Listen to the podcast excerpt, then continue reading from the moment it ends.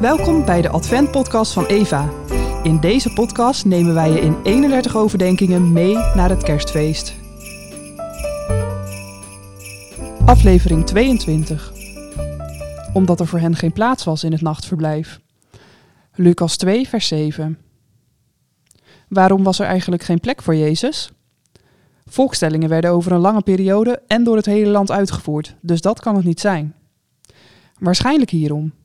Bethlehem was een belangrijk logeerdorpje voor pelgrims. Het ligt op loopafstand van Jeruzalem, waar bij grote feesten niet voor iedereen ruimte was. Jozef en Maria konden geen accommodatie vinden, omdat pelgrims die allemaal al bezetten. Voor welk feest? Zacharias' dienst viel jaarlijks in juni en Elisabeth werd toen zwanger. Ruim zes maanden later, eind december dus, verscheen de engel aan Maria. 25 december is niet Jezus' verjaardag, maar eerder zijn conceptie. En weer negen maanden daarna, eind september, beviel Maria. In die periode begint juist het Lofuttefeest.